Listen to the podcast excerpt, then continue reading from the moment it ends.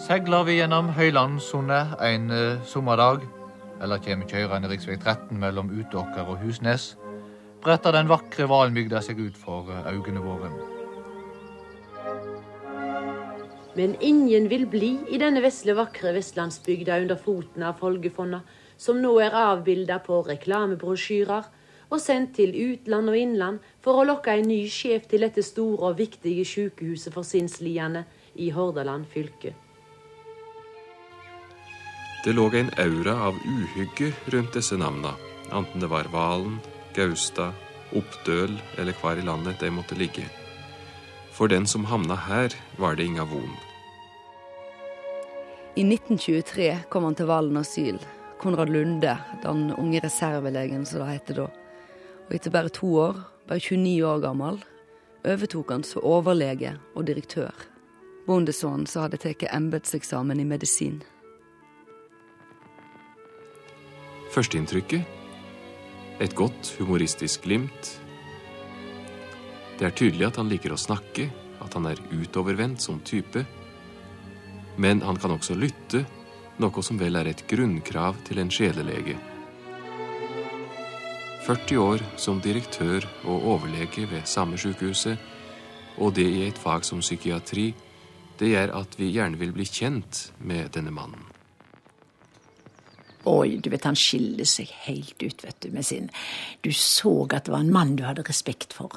Og sånn høgkraftig med den flotte, krumme nesa. Og, og noen øye som var så interessert i deg. Åshild Ulstrup var programleder i NRK Radio helt fra 60-tallet, men hun vokste opp på Valen med sykehuset og Konrad Lunde som næreste nabo. Du ser liksom intelligensen, og du ser sjela deres nesten, altså. De har noe som ikke alle har. Det er noen menn som skjeler seg ut. Jeg kan ikke si hva det er, altså, men du ser de har en autoritet. Og han var en sånn fyr. Ja, jeg fikk inntrykk av eh, Lunde som en eh, ganske streng og autoritær sjef. Eh, som kunne være nesten sånn totalitær i sin kontroll av detaljer på institusjonen. Knut Olav Åmås har skrevet 'Mitt liv og draum', som er en biografi om Olav og Hauge. Hauge var i lange perioder pasient på Valen, og både før, etter og under behandlingene så forholdt han seg direkte til Konrad Lunde.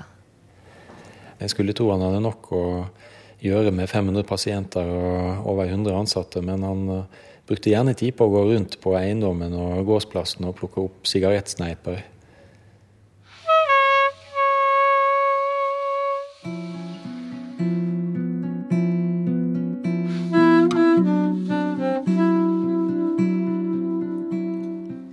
Kom jo til Theatercaféen en gang, husker jeg, etter å ha kommet til Oslo. Og bare synet av han Åh, det løfta seg alt jeg hadde. Altså, det var så kjekt å se han, og da var han Valo for meg, altså. På 70-tallet hadde Åshild Ulstrup en programserie som heter Min middagsstund, og i 1970 hadde hun Konrad Lunde som gjest.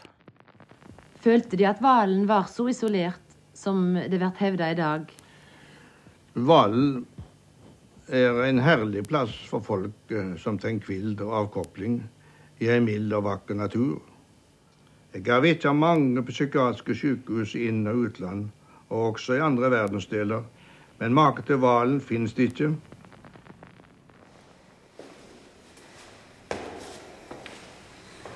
Men her skal vi låse oss inn. I den gamle, hvite bygningen som heter Valemoen, lå kvinnesida på sykehuset i gamle dager. Nå er dette administrasjonsbygget til Folgefond DPS.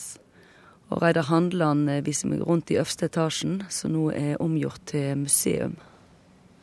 Her var Val sykehus, som var eid av fylket. Det var jo Søndre Bergen hus amt som etablerte det da i 1910. Tanken bak var jo å være sjølhjelpende på alle måter. Her hadde de kraftstasjon sjøl, og den største gården i Hordaland. Og det var vel kraftproduksjon som gjorde at Valo ble valgt den gangen. Her ble det et samfunn i samfunnet, og på en måte sjølrådende. Og da med en direktør og en overlege med all makt. Men jeg må nevne en liten ting av det han gjorde under krigen. Hans Olav Tungesvik er psykiater og hadde første jobben sin som assistentlege på Valen. Under krigen var Hans Olav bare en guttunge sjøl, men far hans satt i styret på Valen, så han visste godt hvem Konrad Lunde var. Han fikk jo da ordna det slik eh, at det ble store røde krosser på alle tak på Valen sykehus. Og han ordna innlegging av folk som var i faresonen, om de slett ikke var psykisk lidende så var det folk som var etterjaga av tyskerne og nazistene. Så tok han de under sine vinger og la de inn på sykehuset, og grunngav det med alvorlig psykisk sykdom.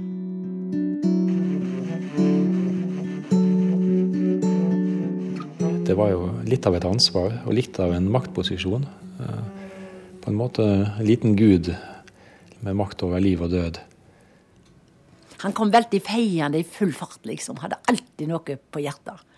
Og sånn ser jeg han sånn interessert, med kvasse øyne. Ja, små, kvasse øyne. Forfatter Marit Eikemo har skrevet om hvalen i Samtidsruiner. Her leser hun fra boka. I et intervju med Konrad Lunde i Dagbladet i 1958 heter det at Lunde er et stormkast. Full av ettergivenhet for ethvert innfall som kan bli til det beste for pasientene. Hovedsaka er å få pasientene til å føle seg som nyttige mennesker. Aller viktigst er arbeidet.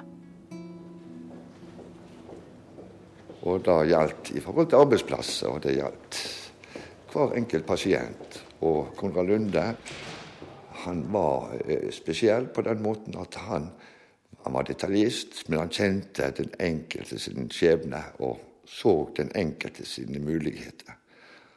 Et godt eksempel der er jo Olav H. Hauge.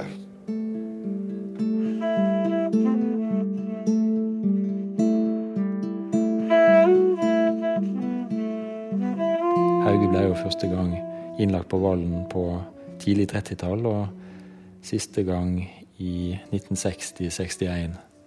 Så sykehistorien hans med Valen og Kondal Lunde strakte seg jo over halve livet hans og vel så det. I doktorgradsavhandlinger og det som skulle bli bok, brukte Knut Olav Åmås mye tid på sykdomsforløpet til Olav og Hauge. Det er et mønster. Eh, nesten, nesten, hver gang før han ble tvangsinnlagt og kom til Lunde på Valen, så hadde han gjort ferdig et bokmanus. Det er nesten sånn at mens han ble tatt med makt og ført til Valen ut av huset, så, så lå det et ferdig manus på kjøkkenbordet. Og det var jo det som flere har merket seg, at han ble sjuk etter at han hadde gjort ferdig en diktsamling. Og da var jo forløpet sånn at han jobbet og jobbet utover natten. Han fikk ikke sove, han ble søvnløs. Så endte han på Valen for å ta det kort. Bodil Cappelen er enka til Olav og Hauge. De ble vært kjent med hverandre på begynnelsen av 70-tallet, og da var Hauge over 60 år gammel. Og på den tida var det lenge siden sist gang han hadde vært innlagt. Har han fortalt deg om uh, turene sine der? Ja, han har jo fortalt om inntrykk fra Valen, men ikke om seg selv da han var sjuk og var der. Det jeg hørte om Lunde, det var jo at han hadde bygd opp så å si en hel landsby som ble besøkt fra mange steder i verden som en mønsterlandsby. I dag er Valen det største gardsbruket i fylket, med 400 mål dyrka jord og 8-10 kvadratkilometer skog og fjellvidder. Hva i all verden skal et sjukehus med alt dette? Gikk gutten fra småbrukerbygda Suldal rundt med en drøm om å bli storbonde? Nei, her er vi ved kjerna i Konrad Lundes livsverk. Nøkkelordet hans er arbeidsterapi. Det kan jo langt på vei sies, tror jeg, at uh, han var blant de som var med og innførte arbeidsterapien i psykiatrien. Psykiater Hans Olav Tungesvik jobba på Valen i 1966. Dette var da året Lunde gikk av med pensjon etter 40 år som sjef på sykehuset. Der fikk jo folk arbeide på gården, i gartneriet, på snekkerverkstedet og rundt omkring i skogen. Arbeidsoppgaver av alle slag. De hadde sin behandling og selvsagt sine medikamenter, og det hele. men nettopp det med arbeidsterapi og være kreativ og få utretta noe, så han på som en viktig del av behandlinga.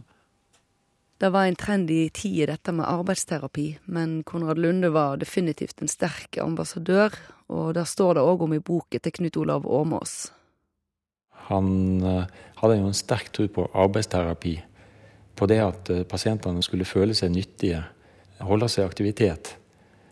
Og enten en nå skulle hekle eller strikke eller gjøre gårdsarbeid. Det var rike muligheter på den enorme eiendommen som uh, Valen sykehus var. Jobba Hauge på gartneriet eller i frukthagen, eller? Det gjorde han. Han likte jo å, jobbe ute og hadde jo gartnererfaringer fra Ulvik med seg.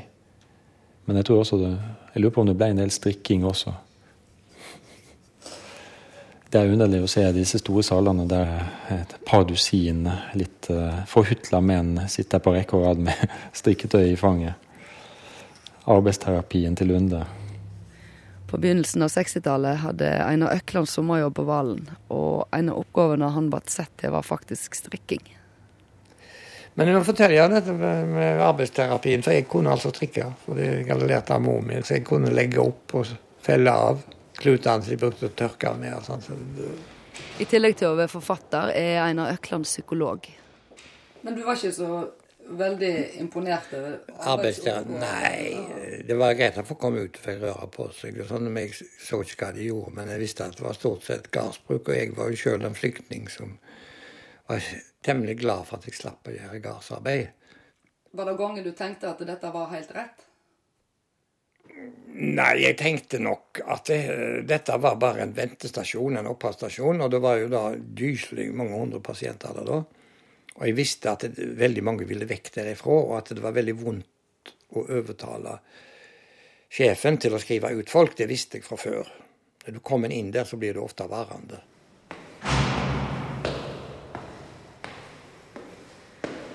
Reidar Handeland, som er museumsbestyrer, har sjøl bodd mesteparten av livet sitt i Valebygda.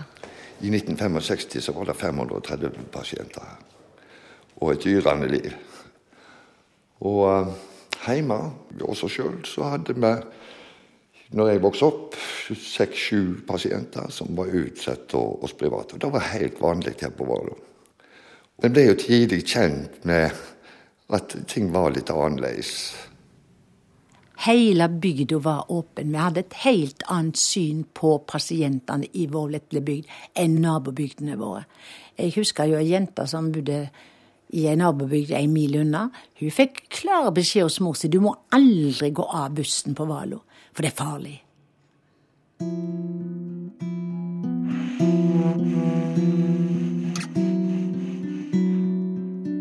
Da som i dag er nå likevel det å ha vært innlagt forbundet med fordommer. Olav og Hauge kom fra Ulvik, som ligger innst i Hardangerfjorden. Og Bodil Cappelen flytta inn sammen med han her i 1975. Var det noen han i bygda? Ja, det vet du var jo aldri et tema for den som hadde vært på asyl i bygda på den tiden. Da var du stempla, da. Jeg hadde jo en nabo som sa til meg da jeg kom, at han, han er ikke farlig. Sånn at jeg måtte la bare ta det med ro. Det var ikke farlig å bo der. Men tenkte du noen gang på det? Overhodet ikke. Jeg kjente jo Olav jeg, som den han var. Og han var jo friskere enn de fleste. Olav Vesaas intervjua Hauge Heimarsson i Ulvik for NRK Radio i 1994. Men jeg har hørt at uh, du var litt sjukelig i ungdommen? Ja, det var nå så. Men det var noe sørgelig. En sørgende ungdom, det vil jeg si. Var du hjemme, eller var du noen annen plass, eller? Nei, jeg var mange år på Valen, jeg, vet du. Og du var det, ja? Ja, ja det var jeg. Og jeg var inne til mange ganger òg. Ja, jeg var vel en tre-fire tre, år første gang i ett, veit du.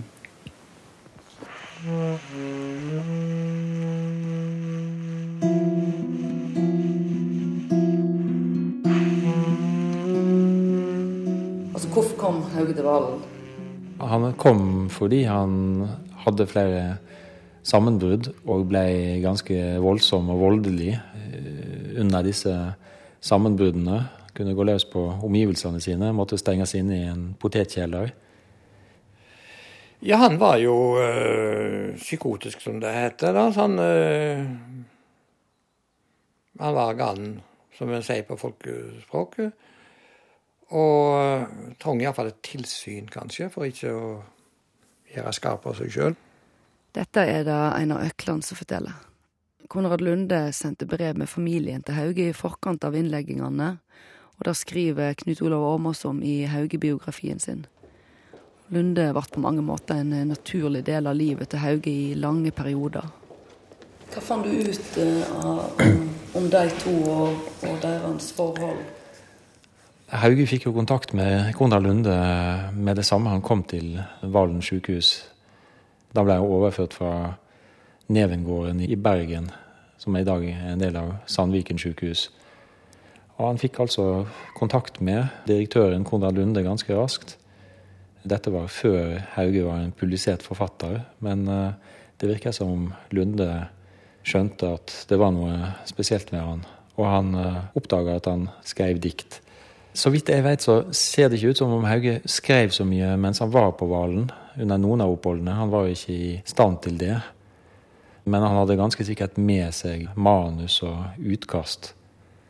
Dette stadfesta Hauge i intervjuet med Olav Vesaas.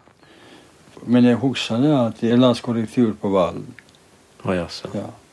men, men, da var det såpass at jeg var, begynte å gå på utarbeid. Og da fikk jeg fri da til han der eh, sjefen. Da han der overlegen eller direktøren at jeg skulle få sitte på et eget rom der da og lese korrektur. Jeg vet ikke skulle oppleve korrektur, men Det fins noen brev der Konrad Lunde skriver til forlaget at det ville være veldig bra for helsa til Hauge å, å få utgitt denne debutboka. Det var jo Eh, for så vidt helt unødvendig å argumentere med helsa hans. Men eh, dette er kanskje litt typisk for Lunde også.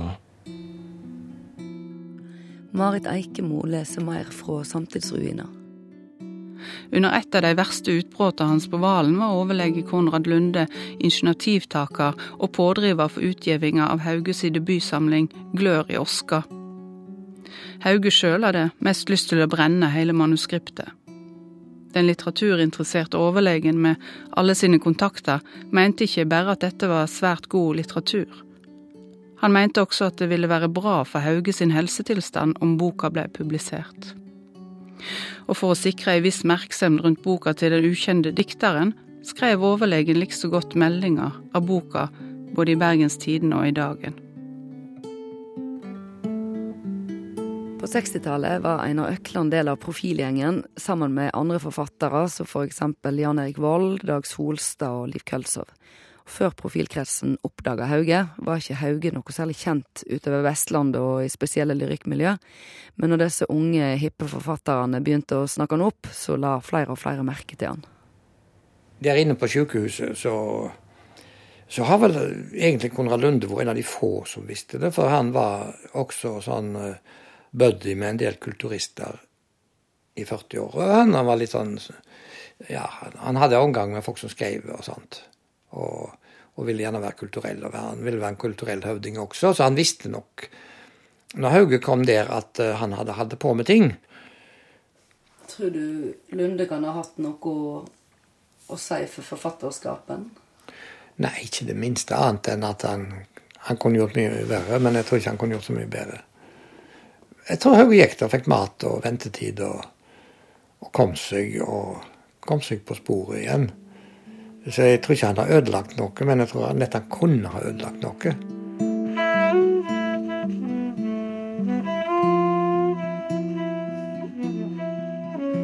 Det er jo sterkt inntrykk å lese beskrivelsene av eh, de store svingningene hans. Og hvordan han kunne stå i timevis i nesten sånn frossen positur og, og, og bare se ut av vinduet.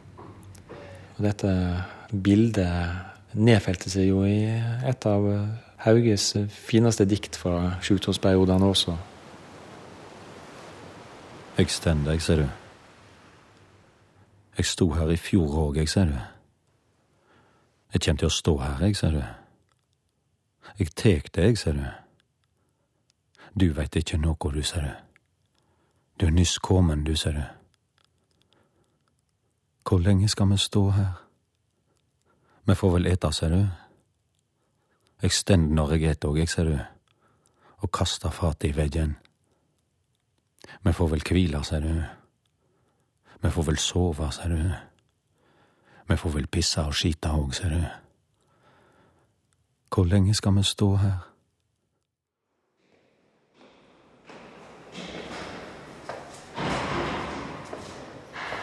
Tallet på pasienter steg fra omtrent 200 når Lunde tok over i 1929, og til godt over 500 på midten av 60-tallet.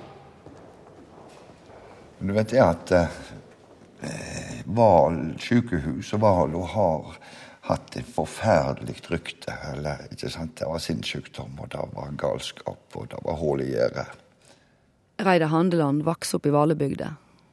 Hans Olav Tungesvik var innflytter og tilsatt som assistentlege. Men det var jo da denne her eh, rause velviljen fra Konrad Lunde, da, at han alle skulle få hjelp, og alle skulle få et tilbud på grunn av dette med trengselen og eh, voldsomme mengder med personer som skulle ha behandling, så var det ikke mulig å holde oppe eh, det ønskelige nivået. Vi kan gå litt videre inn nå, se om vi er inne på det som ikke er så hyggelig, da. Inne i øverste etasjen på Valmoen står det fremdeles gamle senger, og mellom sovesalene er det vindauger. Veggene her er hvite, og på den ene henger det et stort måleri av Konrad Lunde i legefrakk og med et lite smil. I samme rommet ligger de gamle apparatene og instrumentene som ble brukt. Og her har vi jo da elektrosjokkapparater.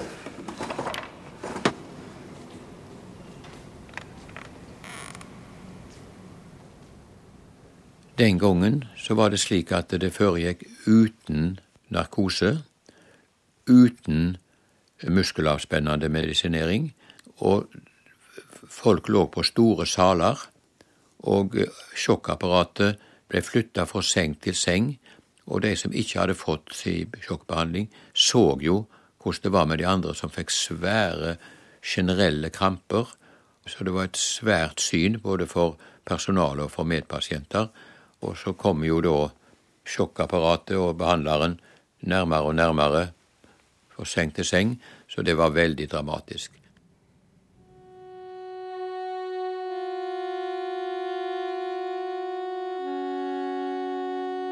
I intervjuet med Olav Vesaas kommer Hauge sjøl inn på sjokkterapien. Jeg har vært sjokka mange, mange ganger, ja. Vet du.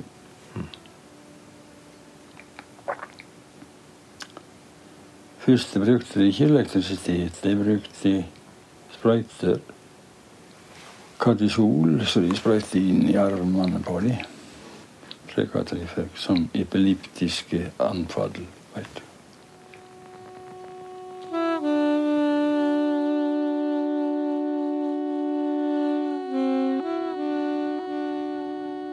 Dette med operasjoner begynte de med her på Valo i 1949 og holdt det gående til 56. Det ble vel mange, ja, relativt mange som var operert. 360 skal ha vært operert her da. Da mener du Lobotomert.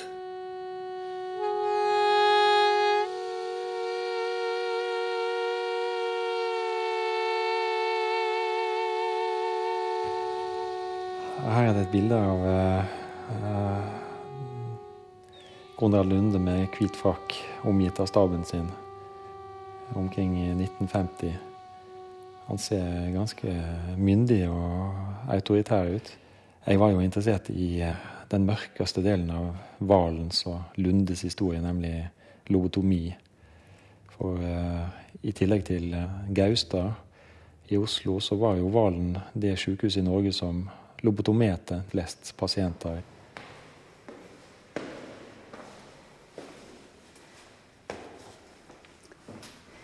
Diverse instrument som ble brukt i samband med lobotomering. Her står det på veggen lobotomi. Inngrepet gikk ut på å kutte assosiasjonsbanene mellom frontallappen og de basale delene av hjernen. De fleste ble sløvere, og mange ble kjenslemessig avstumpa. Noen kunne derimot fungere bedre enn før. Lobotomering ble utført på norske sykehus i perioden 1941 til 1974. Om lag 2500 pasienter ble lobotomerte i Norge. 360 ble lobotomerte på Valen i perioden 1949 til 1955.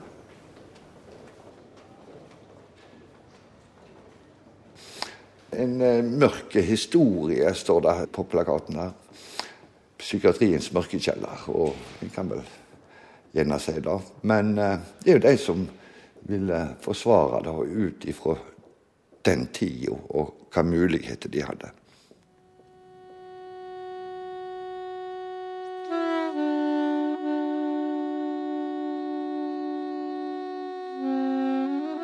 Men jeg kan jo si at uh, det var jo ikke alle disse psykiatriske institusjonene som engasjerte seg så spesielt i å ta i bruk denne metoden. Så det at Konrad Lunde gjorde det og tilkalte nødvendig kirurgisk eh, kompetanse, det må jo bety at han var opptatt av å følge med i nye ting som skjer, og ta i bruk og se hva som kunne nyttiggjøres.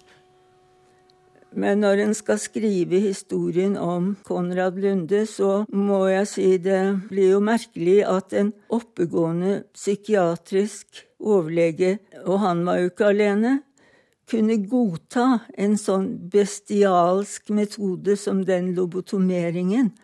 De måtte jo kunne se at dette er ikke bare skadelig, men at det gjorde forferdelig vondt.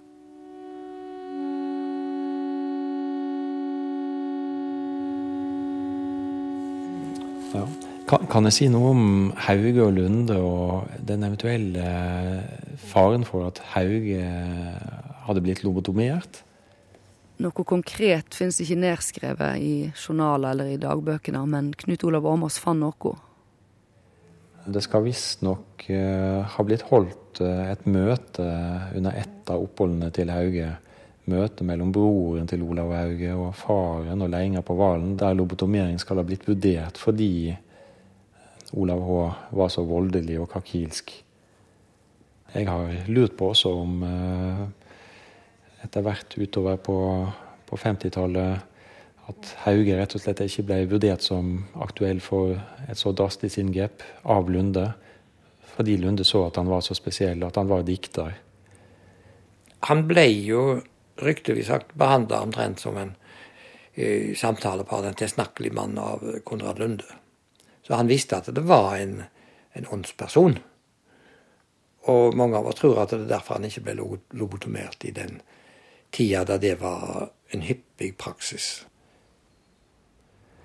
Det er iallfall ikke noen veldig dristig hypotese at uh, Lunde, som nok hadde siste ord også i dette, holdt ei vernende hånd over Olav Hauge på, på den måten. Og holdt han unna lobotomering.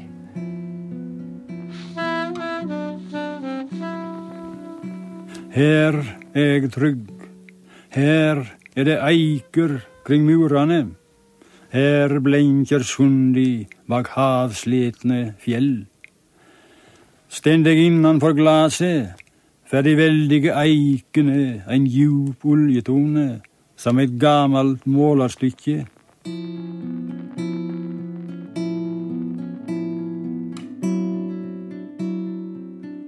Etter hvert som Olav H. Hauge ble friskere, økte avstanden til sykehuset, til han nesten så noe overbærende på alt sammen. I dagboka skriver han Det kjem for meg stundom. Jeg kunne vært der, jeg òg, i det menasjeriet til Konrad Lunde. Det var mange rare dyr der. Du har vært ute på Vallen, eller?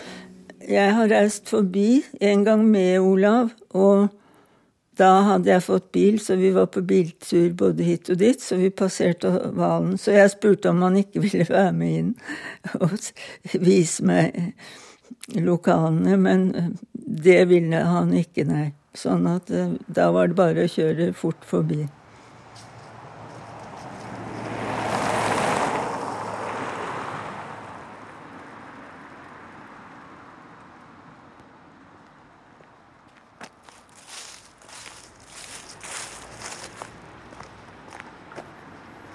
Disse søte, søte små bjørnene. Ja, det er eh, I 60-år, tidlig i 60-år så ble det gjort et veldig løft eh, både i park og hage og bygningsmessig her.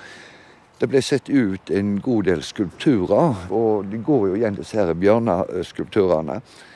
Og de er jo veldig fotogene. I dag så er de noe nedslitte, men uh, veldig talende. Og de blir flittig fotografert. Ja, Var det rett og slett et lite tiltak for å gjøre det litt koselig? Ja, det var det. Og husk på det at eh, parken på Hval sykehus, det var Konrad Lunde sin stolthet. Noe av det som gjorde sterkt inntrykk på Lunde, var et besøk på et like stort mentalsykehus i Danmark. Der var blomsterkontoen større enn medisinkontoen på Valen. Men den som besøker Valen i dag, vil ikke sakne blomsterflor, verken ute eller inne. Og han vil ikke komme til stengte porter og høye gjerder med piggtråd.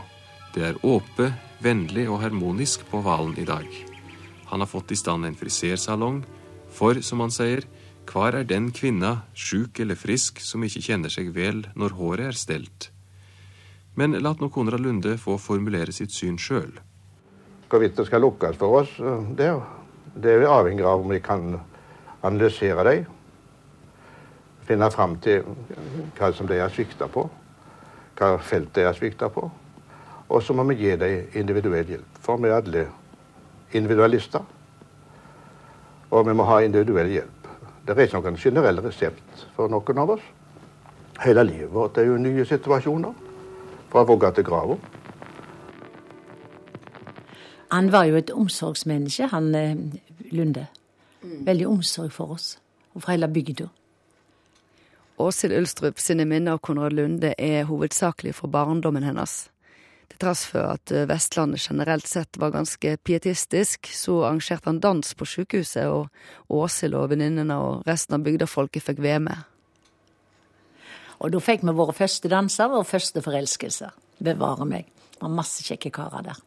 Som jobber, eller? Som jobber der? Nei, men ja, vi, vi, vi danset ikke med dem, vi danset jo pasientene. Ja. Hvis jeg skulle skrive ei bok, så hadde det kanskje blitt ga mer galskap utenfor enn en innenfor. Er det kanskje ikke så stor skillnad på de sinnssyke og på oss som er utenfor Nei. murene? Nei.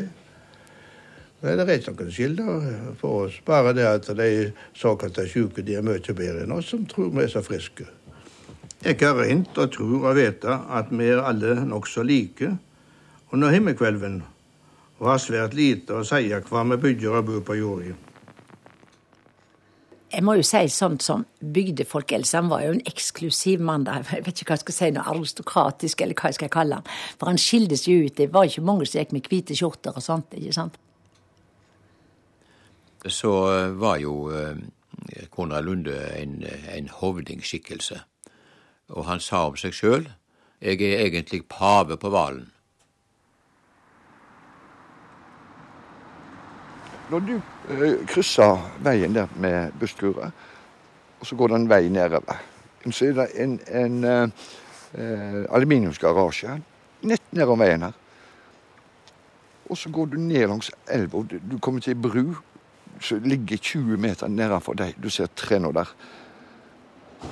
Sant? Og så følger du bare stien nedover 200 meter. Så ser du det. Gravplassen.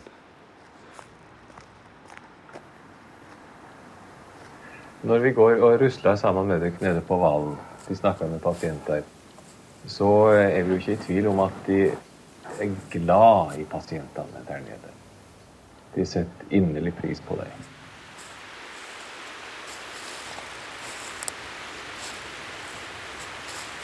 Da går jeg mot elva som fører til gravlunden på Valen. Dette var ikke noe som en gang bygdefolkene eller de som jobba nødvendigvis visste om. Her gikk de til sin siste hvile uten å bli sett.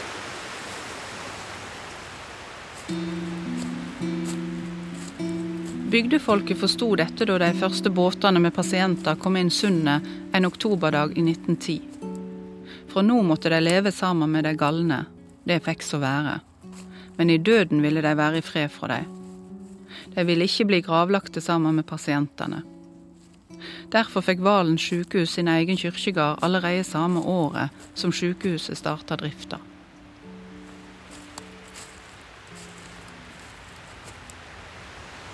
Nå er jeg nede med gravlunden. Og her er et lite klokketårn.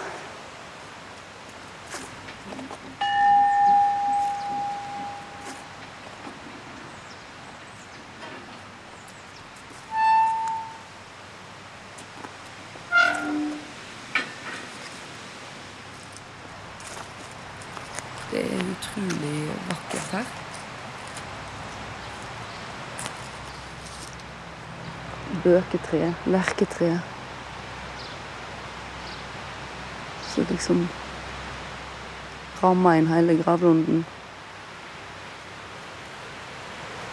Her ligger det steiner som helt fra 2002 er de siste pasientene her. Gjemt, men ikke glemt. Gjemt, men ikke glemt. Står det på alle steinene. Så leser bare fremdeles, men de aller fleste var små steiner som ligger helt under Under måse og lyng og kusimra.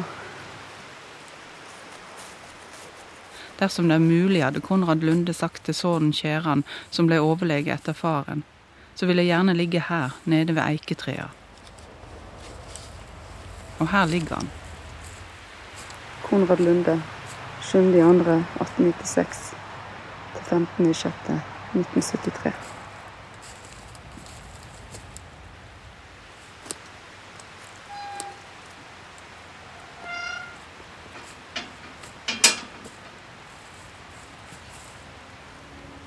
Konrad Lunde går ut av vårt bilde, snart ut fra hvalen, og får rundt seg bare slike han kaller såkalt normale. For Lunde er dette ei fattigere vær enn samfunnet som har hele hans rike hjerte, pasientene på hvalen.